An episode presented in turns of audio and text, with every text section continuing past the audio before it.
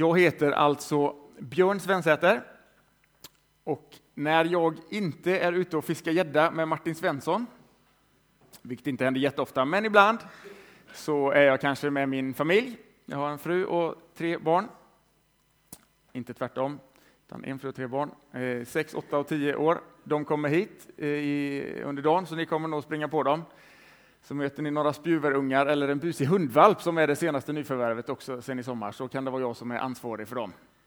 Ställer de till med någon oreda så får ni hugga mig. Eh, jag är född i Västergötland. Har bott i Lund i 15 år. Där jag har studerat och sen eh, efter mycket om och men eh, blivit präst till slut och arbetat inom EFS-kapellet i Lund på Biskopsgatan i ett gäng år. Fram tills förra sommaren då eh, vi har flyttat upp till Västergötland igen, närmare mina hemtrakter. Jag gör nu ett så kallat adjunktsår, heter det. Det här första eh, året i vanliga Svenska kyrkan. Jag är placerad ute i Tranemo, långt ute i granskogarna mellan Småland och Västergötland. Mm. Det är väldigt roligt för mig att vara här, som sagt. Jag träffade en, en, en, det var en, en, en dansk som sa så här, ELM, det betyder extra lange möden. Jag sa, nej det gör det inte, det betyder evangelisk eh, luthersk eh, mission. Eh, men sen så ringde Martin mig och sa att ja, kan, du hålla en lite, kan du komma och tala lite på puls här? Och, ja, det är inga problem, det ska jag nog hinna med. Så jag, det är ett litet kvällsmöte. Nej, det är fyra gånger 40 minuter du ska ha här. Så att, han, han hade någon poäng ändå, den här dansken. Men det är väldigt uppmuntrande tycker jag. Jag har nyss varit på Breanäs med familjen, har blivit en kär tradition för vår familj att få vara där och stanna upp inför e- ett längre studium inför Guds ord. Och det är väldigt gött att få göra det. Och det är så härligt att få se er unga, jag låter som gammal nu, jag är 37 år, eh, men i alla fall, eh, komma hit och ta tid inför det viktigaste och stanna upp inför gemenskapen med Gud, med varandra, inför Guds ord. Väldigt kul. Eh, jag hoppas vi ska kunna få dela goda stunder runt ordet här tillsammans. Eh, mm. Ska vi be en bön? Tack gode Gud för allt gott du ger oss i så rikt överflöd. Tack för var och en här. Tack för att vi får livet i varje sekund av dig. Tack för möjligheten att få samlas tillsammans till gemenskap runt dig, med varandra och runt ditt ord. Tack för allt du gjort i våra liv och nu ber vi att du med din helige Ande gör ditt ord levande in i våra hjärtan. Att du talar till oss det som du vill ha sagt. Öppna våra hjärtan för dig och för ditt tilltal. Hjälp oss att försöka förstå lite av vad du vill säga till oss genom Galaterbrevet. Kom helige Ande. I Jesu namn. Amen.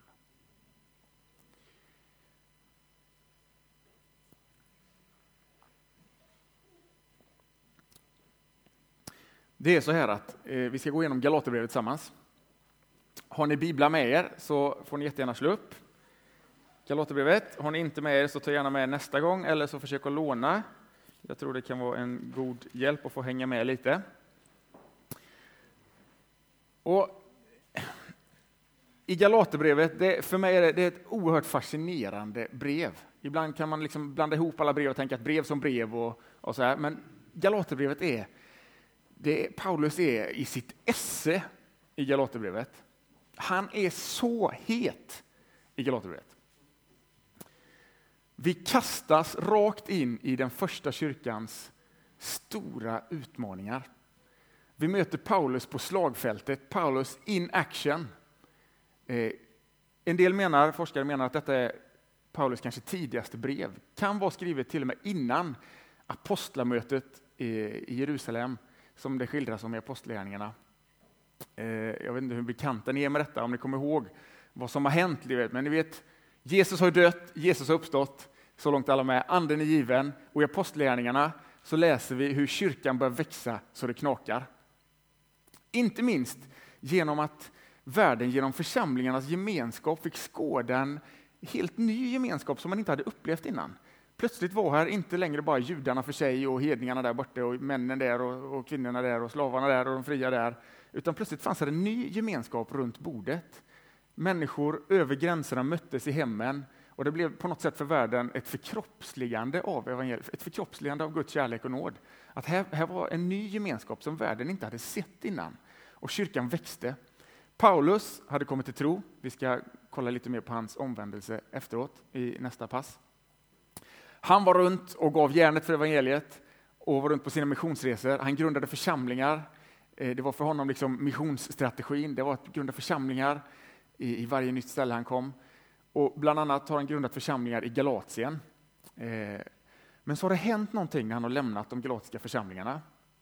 Det har smugits in andra lärare från Jerusalem som ifrågasätter Paulus auktoritet som apostel och som ifrågasätter Paulus evangelium. Som säger stopp, det här är för enkelt, det är för lätt. Det kan inte vara så här lätt. Hedningarna kan inte bara komma in och tro att de bara kan komma in här i, i, i gudsfolket. Liksom. Nej, de måste omskära sig precis som vi. Hedningarna måste omskära sig, klart de måste hålla lagen och de vill lägga på massa extra grejer på hedningarna. Det är för lätt, säger de. Och så sås det in eh, rädsla i församlingarna. Eh, kontroll, rädsla, splittring, osäkerhet som förlamar och binder och kväver. Och eh, det är inte relevant i vår tid det här med omskärelsefrågan. Jag, vet inte, i alla fall, jag tror inte det är en het potatis i ELM nu. Va? Eh, I alla fall inte inom EFS. Men däremot kan det ju vara andra grejer. Jag, jag, jag, känner många människor som har lämnat tron därför att de har upplevt kyrkans gemenskap som, ja men, det var på något sätt kontrollerande, kvävande, det var på något sätt liksom, eh, mycket rädsla. Eh, det är i den kontexten Paulus ger sin undervisning och sin liksom, tunga teologi som vi kanske ofta uppfattar som tung, men som för, för Paulus och i denna situationen är ett rop på frihet. Jag vet inte om ni har sett eh, filmen Braveheart. Braveheart, jag tycker det var en god film. Det är Mel Gibson när han är i sitt esse där. Och då är det en väldigt god scen. Han är ju, ni kan, kommer säkert ihåg detta bättre än mig, men det är ju den skotska frihetskampen på något sätt. Och han spelar, är det Wilberforce han spelar eller blandar jag ihop det? Nej, det är någon annan. Vad säger ni? William Wallace, ja. Precis. Han leder den skotska frihetskampen och han blir tillfångatagen för, sitt, eh, för sin frihetskamp. Och han blir eh, dragen inför rätta där hos fienden och de ska avrätta honom och de ställer honom inför valet att avsäga dig frihetskampen. Säg att du har fel, säg att du liksom ger upp detta, annars dödar vi dig. Så är det en scen när han liksom plågad, torterad, ligger där i det här avrättningsredskapet och så bara samlar ihop sina sista krafter. Så bara vrålar han ett vrål, jag vet inte om du kommer ihåg det, över hela Skottland vrålar han freedom! Så. Och man får gåshud i kroppen när man ser denna scenen. Och, och, och det, det, skulle kunna sammanfatta Paulus rop i Galaterbrevet. Frihet. Det är ett rop som var relevant då, som jag är övertygad om är lika relevant för oss idag och för vår generation, för människan i alla tider. Eh, Paulus skriver i Galaterbrevet 5 1. Eh, till denna frihet har Kristus gjort oss fria. Och, och vers 13, vi ska återkomma till detta mer imorgon, men, men det är som en sammanfattning av hela brevet. Ni är kallade till frihet, bröder. Ni är kallade till frihet. Det är Paulus rop, hans passion, eh, som, som så starkt lyser igenom när man läser Galaterbrevet. Så det är fascinerande att få, få stanna upp inför det tillsammans de här dagarna. Eh,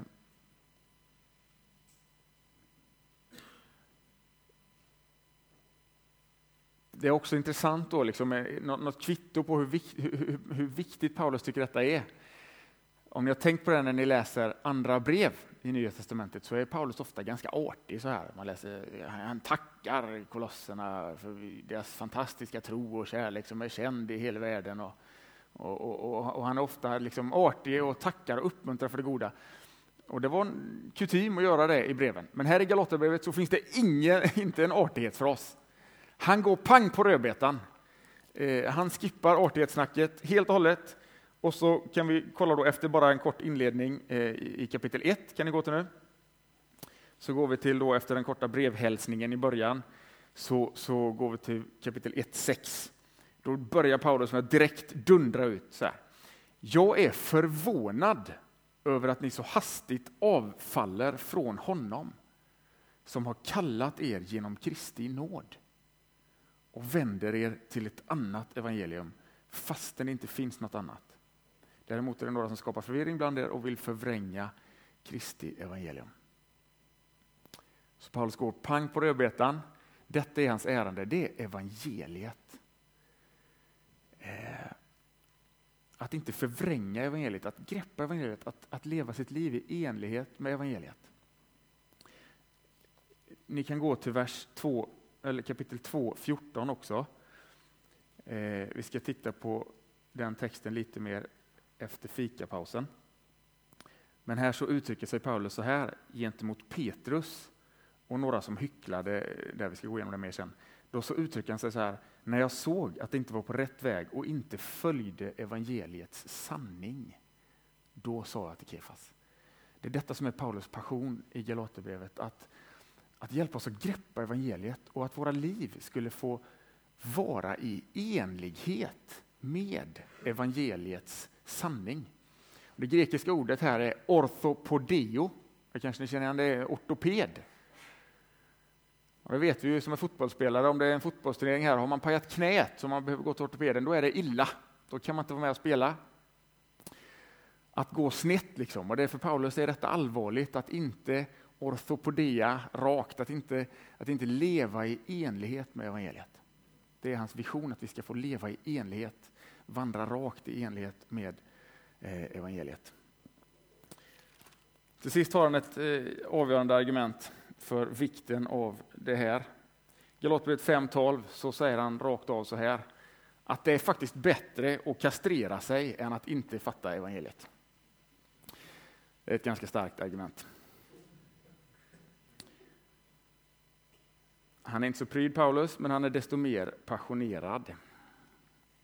Så det, kan, det är min bön inför de här dagarna och dela gärna den bönen att vi ska få läsa Galaterbrevet och försöka greppa mer av evangeliets rikedom. Och att det ska få hjälpa oss också att se hur kan vi, hur kan vi leva i enlighet med evangeliet.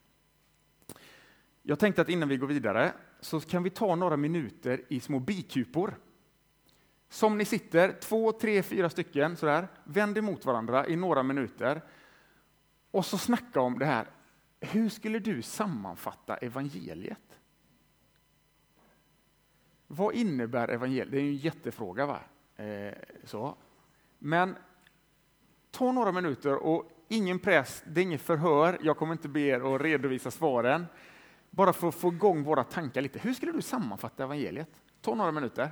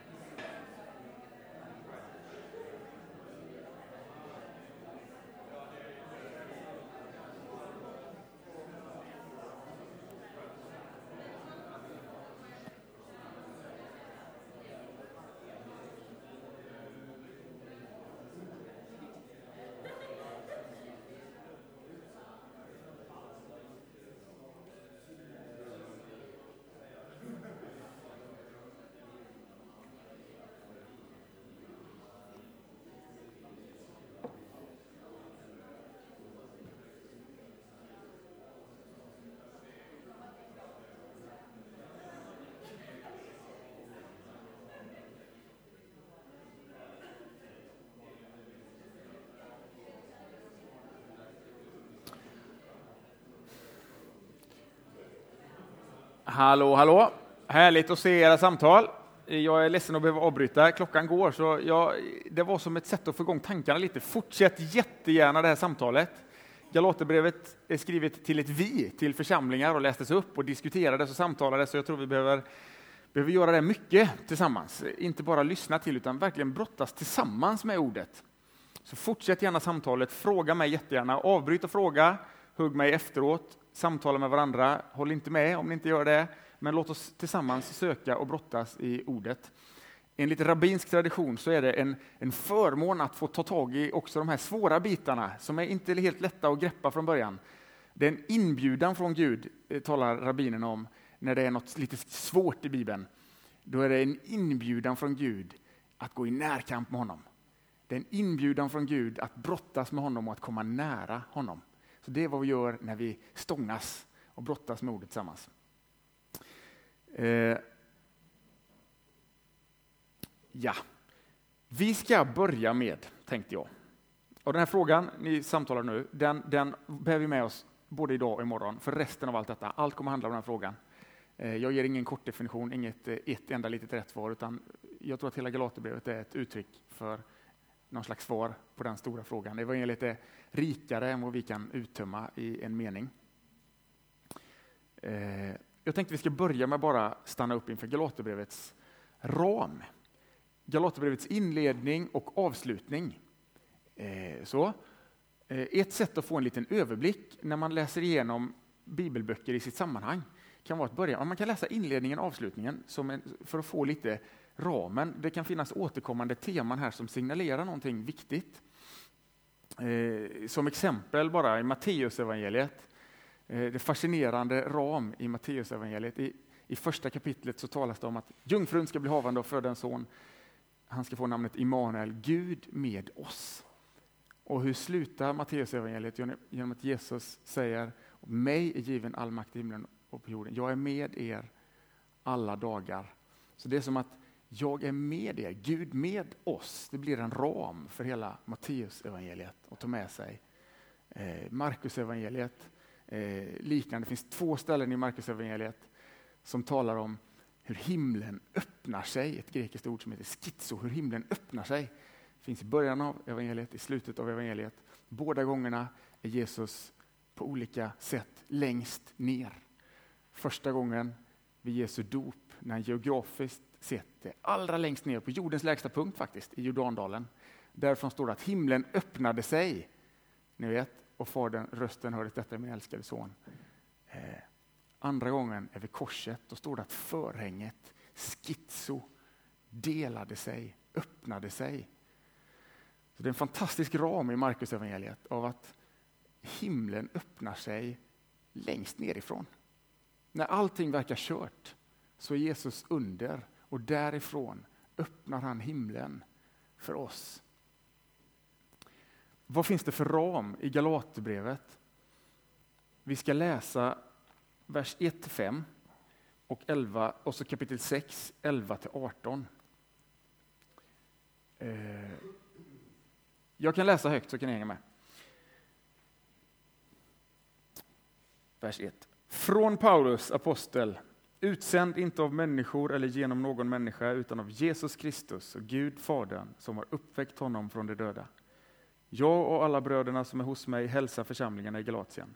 Nåd vare med er och frid från Gud, vår Fader och Herren Jesus Kristus, som offrade sig för våra synder för att rädda oss ur den nuvarande onda tidsåldern, efter vår Guds och Faders vilja. Honom tillhör äran i evigheternas evigheter. Amen. Okej, håll en tumme där och så går vi till kapitel 6, 11 till 18.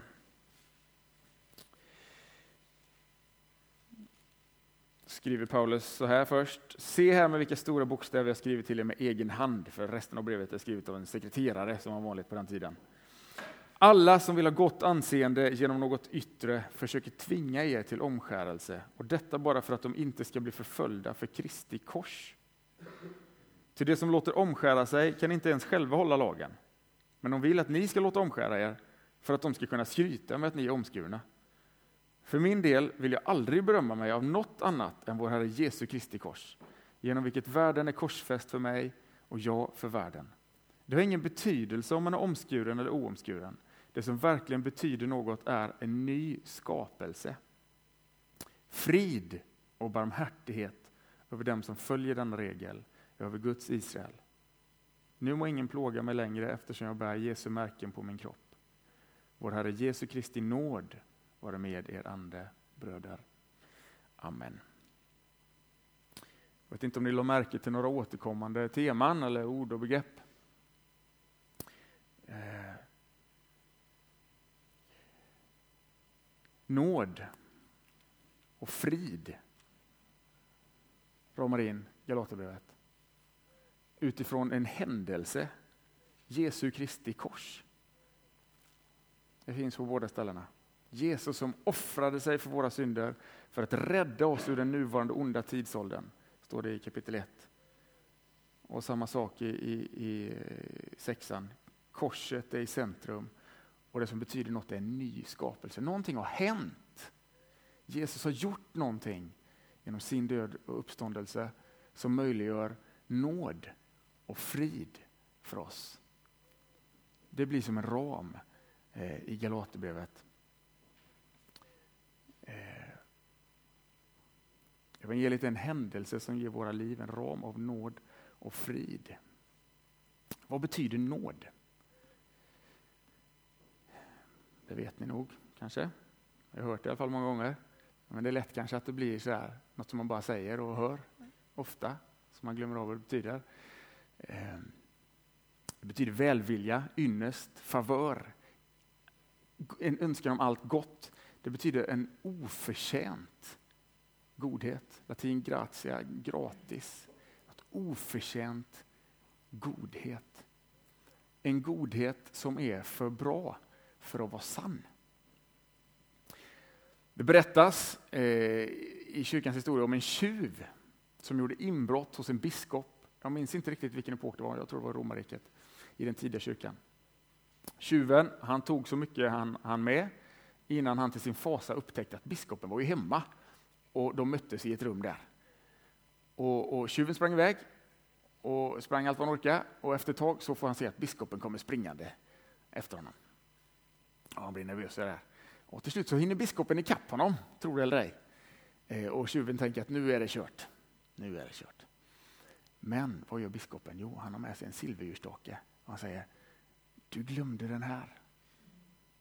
Du glömde den här. Och så berättas det att tjuven faller ner på knä, brister i gråt och lämnar sitt liv till Kristus. Den oförtjänta godheten. Den totalt överraskande godheten. Det är vad nåden handlar om. Eh, Paulus ger oss en ram i Galaterbrevet där han liksom vill att våra liv ska få drabbas av den godheten. Det är inte bara Paulus önskan utan det är Guds önskan. Så här, nåd och frid från Gud, vår fader. Gud är sån. Vi kan alla ha våra skäl att ha svårt att tro att Guds godhet gäller mig. Mina teologistudier själv började inte så bra. Jag började plugga i Lund och jag tappade tron på baskursen. Eh, så det var ingen rivstart direkt. Eh, brottades jättemycket, tänkte det här kan inte, håller inte, kan inte vara sant. Ett och ett halvt års tid. Innan jag tappade tron hade jag snackat med en missionär om att åka med på missionsresa till Kina. Tiden gick, det blev ingen resa, sen tappade jag tron och så efter jättelång tid så ringer han. Eh, hallå Björn, nu, nu ska jag åka på missionsresa till Kina här, ska du hänga med? Och jag säger, nej men tyvärr alltså, jag, jag, jag, kan inte tro på det här längre. Eh, du vill inte ha med en sån som mig på missionsresa, jag kan inte tro på det här längre. Oh, men va, ja, du har läst så mycket teologi här, du, du, behöver komma ut i verkligheten och se lite under och tecken. Ja, det är klart du ska. Nej, nej, men du, du, vet inte vad du snackar om. Så jag skrev ett långt brev till honom, fyra A4-sidor, alla mina besvikelser på kyrkan, alla mina argument mot den kristna tron och avslutade så här, du vill inte ha med mig på missionsresa. Nästa dag ringde han efter att ha läst det här brevet. Så här, jo, jag vill verkligen att du ska med på missionsresa. Och för mig blev det okej. Okay jag hade inget att förlora, för någonstans så hoppade jag, okej, okay, är detta sant, då vill jag ge mitt liv för det. Men det blev mig, för mig liksom en, en, en eh, konkret eh, bild på att tänk om Gud är sån. Tänk om Gud är sån, att han vill ha med mig, trots trots mina tvivel, min synd, vad det nu än är som är dina skäl till att tveka på att Guds godhet gäller dig. Dina skäl till att tveka på att du passar in. Paulus ger en ram där han skickar en hälsning från Gud, att Gud önskar att du ska få drabbas av den oförtjänta godheten. Gud vill ha med dig. Du kan lägga vilka argument du vill. Vilka argument du vill. Gud vill ha med dig. Nästa begrepp i ramen det är friden. Nåd och frid. Frid kommer från hebreiskans shalom. Ni känner till shalom? Så frid och shalom det, det, är ett väldigt brett begrepp. Det innebär en inre känsla, men inte bara liksom en inre lugn uh, känsla. Så. Det, det är också så, men den inre frid som har sin grund i en yttre frid, i fred, i verkligt upprättade relationer. Eh, shalom handlar om hela skapelsen, i upprättade, försonade relationer. Kanske finns du här just nu som eh, känner att relationer är det största problemet. Det är inte lätt. Man kan inte leva utan relationer och man kan inte leva med relationer heller knappt känns det ibland. Våra relationer är halva och kluvna och orsakar mycket problem i våra liv.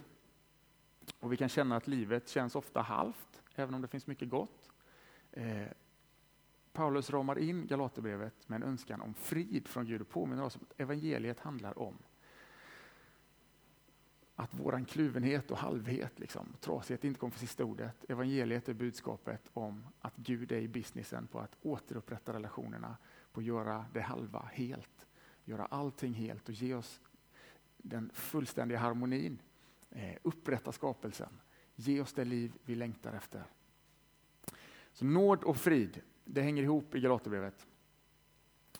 Eh, det gör det utifrån en händelse Paulus talar både i början och slutet om händelsen Jesu död, Jesu seger, Jesu räddning från den onda tidsåldern till en ny skapelse. Eh, jag vet inte om ni gillar hockey? Vi befinner oss i norra Skåne. Är det någon här som håller på Rögle? Ja, några stycken. Jag var på en Rögle-match en gång och det var en stor upplevelse. Jag hade en fanatisk eh, kompis från Lund som var en riktigt fanatisk, härlig, god eh, Rögle-supporter. Han sa du måste hänga med på match. Ja, häng med på match. Och då var det i kvalet upp till elitserien. Och då var det ju, de hade harvat där Rögle i många år, i, långt ner i divisionerna.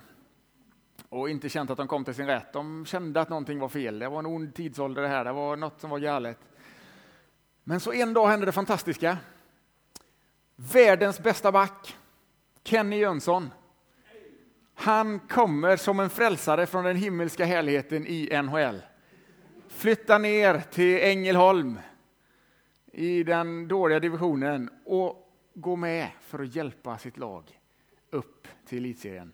Så var vi med på matchen här och jag har aldrig varit med om någon sån stämning. Taket är på att lyfta när Kenny Jönsson han på i stort sett egen hand besegrade motståndarna och drog Rögle tillbaka dit där de hörde hemma i högsta divisionen.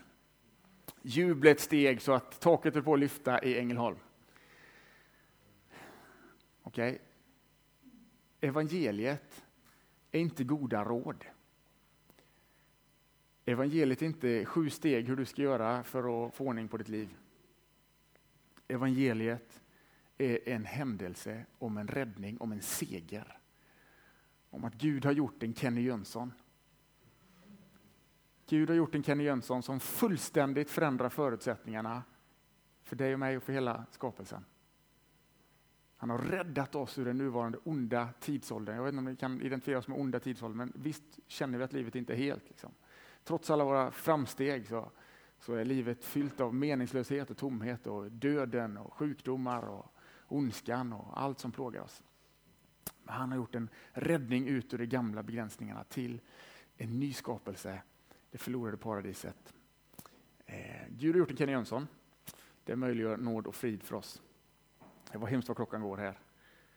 Eh, Martin, har vi fem minuter till?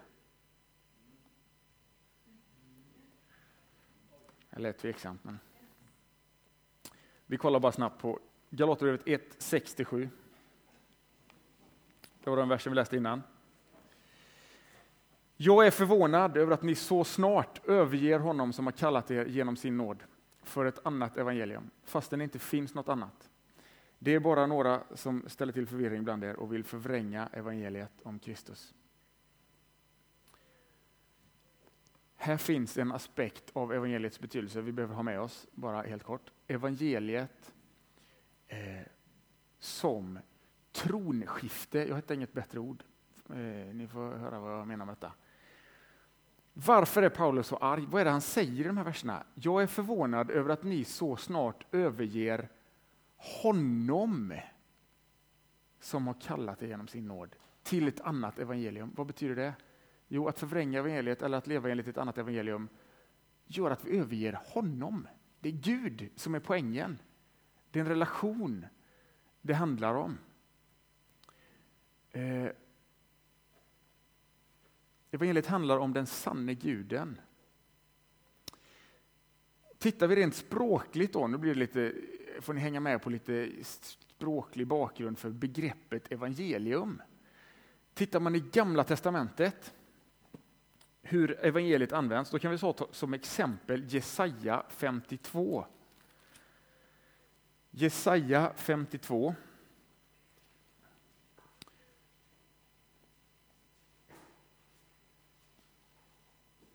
handlar om folket är i exil. De är förslavade och förtryckta under andra kungar. De lever i slaveri. Men så bär Jesaja fram profetier, löften om hopp. Står det i vers 7. Hur ljuvliga är inte glädjebudbärarens fotsteg när han kommer över bergen och förkunnar frid, bär fram goda nyheter. Och här är ordet evangeliet, evangeliserar. Liksom. Och förkunnar frälsning och säger till Sion, din Gud är nu konung. De goda nyheterna handlar alltså om att Gud är kung, inte Babels kung. Det är tronskifte. Gud är kung, har kommit för att befria oss under de falska förtryckande gudarna och kungarna. Tittar man i den grekiska bakgrunden som var den första kyrkans tid och Paulus tid, då används ordet likadant. Det står i en inskription från år 9 om kejsar Augustus, ni vet kejsaren på Jesu tid. Då står det om hur han har kommit som en frälsare för att få slut på kriget, skapa ordning överallt. Födelsedagen av guden Augustus var början för världen om evangeliet, de goda nyheterna som har kommit till människan efter honom. Ganska många paralleller, eller hur? Så vad är det Paulus gör när han använder begreppet evangelium i den kulturen där alla tänkte att det är evangeliet, att kejsaren har makten? Jo, han säger att den som verkligen har makten, det är inte Caesar, det är inte Augustus, det är inte några avgudar 2014 heller. Den som verkligen har makten är den sanne guden, Israels Gud, som på ett avgörande sätt har handlat genom Jesus Kristus, hans Messias, eh, för att rädda och återlösa världen och vrida den här världen rätt. Evangeliet är ett tronskifte, rätt kung på rätt plats. Att Gud ska få vara Gud i våra liv. Eh, Okej, okay, det var en lite krånglig språklig eh, genomgång. Vad innebär detta? Att evangeliet är ett tronskifte? Några tillämpningar. Ett, det är meningsfullt att bygga Guds rike. Att ni är samlade här idag är meningsfullt. Det är inte att satsa på fel häst. Det är inte att sätta sina aktier i ett konkursbo, även om det kan kännas så ibland eh, när man ser på kyrkans utveckling kanske. Så är det så här att Paulus vill påminna oss att evangeliet är ett tronskifte. Mig är given all makt i himlen och på jorden, säger Jesus. Gå därför ut och gör alla folk till lärjungar.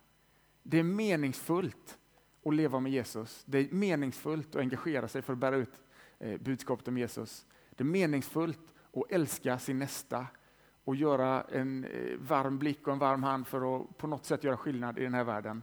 Det är inte fåfängt. Därför att Jesus är bakom kulisserna kungen och en dag kommer han göra allting nytt.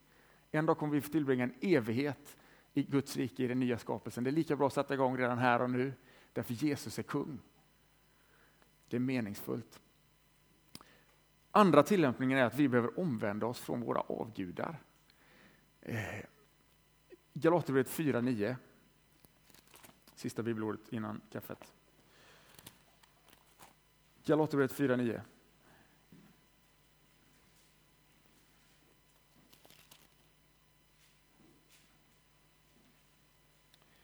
Men nu då ni känner Gud, ja än mer då ni har blivit kända av Gud, hur kan ni då vända tillbaka till dessa svaga och ynkliga människostadgar som ni på nytt vill bli slavar under? Jag var i Indien och luffade 97 och då, då var man inne i, då fanns det ju de hade på bussen vet du, hade de elefantgudar och apgudar och tände rökelse till statyer och bad till kossorna och allting. Och jag tänkte, vad är detta för konstigheter? De är inte kloka, de har avgudar överallt. Så, så det har vi inte hemma. Vet ni vad Luther säger i sin utläggning till första budet? Du ska inga andra gudar hava jämte mig. Då säger han så att det finns inga praktiska ateister. Det finns i praktiken inga ateister, säger han. Eh, även om man i teorin kan säga att man är ateist. Han säger så här att alla tjänar i praktiken någon gud. Din Gud, menar Luther, är den varpå ditt hjärta helt förtröstar och den du väntar dig allt gått ifrån.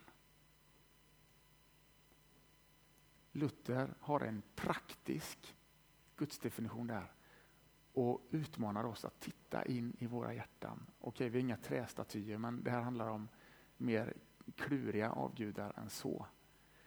Din Gud är den var på ditt hjärta helt förtröstar, den du väntar dig allt gott utav. Okej, jag har haft många avgudar i mitt liv. Det är möjligt, det är till och med väldigt lätt hänt när vi läser Galaterbrevet, att med munnen bekänna Gud som Gud, Jesus som Herre, men i praktiken vara styrd av andra makter. Att leva i enlighet med evangeliet, att vandra i enlighet med evangeliet. Det betyder att vi behöver vara vaksamma på detta, medvetna om detta. Och vi får be Gud om hjälp att se. Gud visa mig om det, om det finns eh, saker och krafter och inflytanden som blir för stora för mig, för viktiga för mig, får leda mig på ett osunt sätt.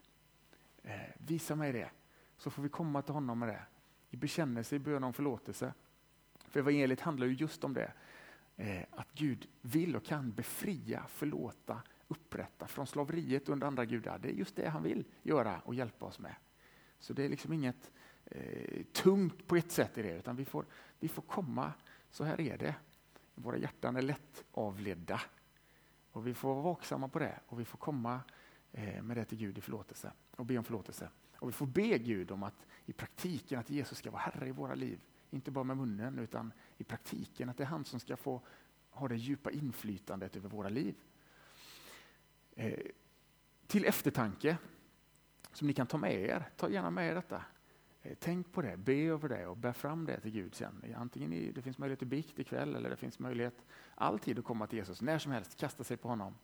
Eh, vilka gudar finns i samhället idag? Vilka gudar finns i ditt liv idag? Magnus Malm han skickar med tre frågor som vägledning i att spåra avgudar i våra liv som ni kan ta med er. 1. Vem eller vad vägleder mina beslut? Vem eller vad vägleder mina beslut? 2. Var finns min försörjning? Var finns min försörjning? 3. Var finns min djupaste tillflykt när allting krisar? Var finns jag, min tillflykt? Vart flyr jag? Okay.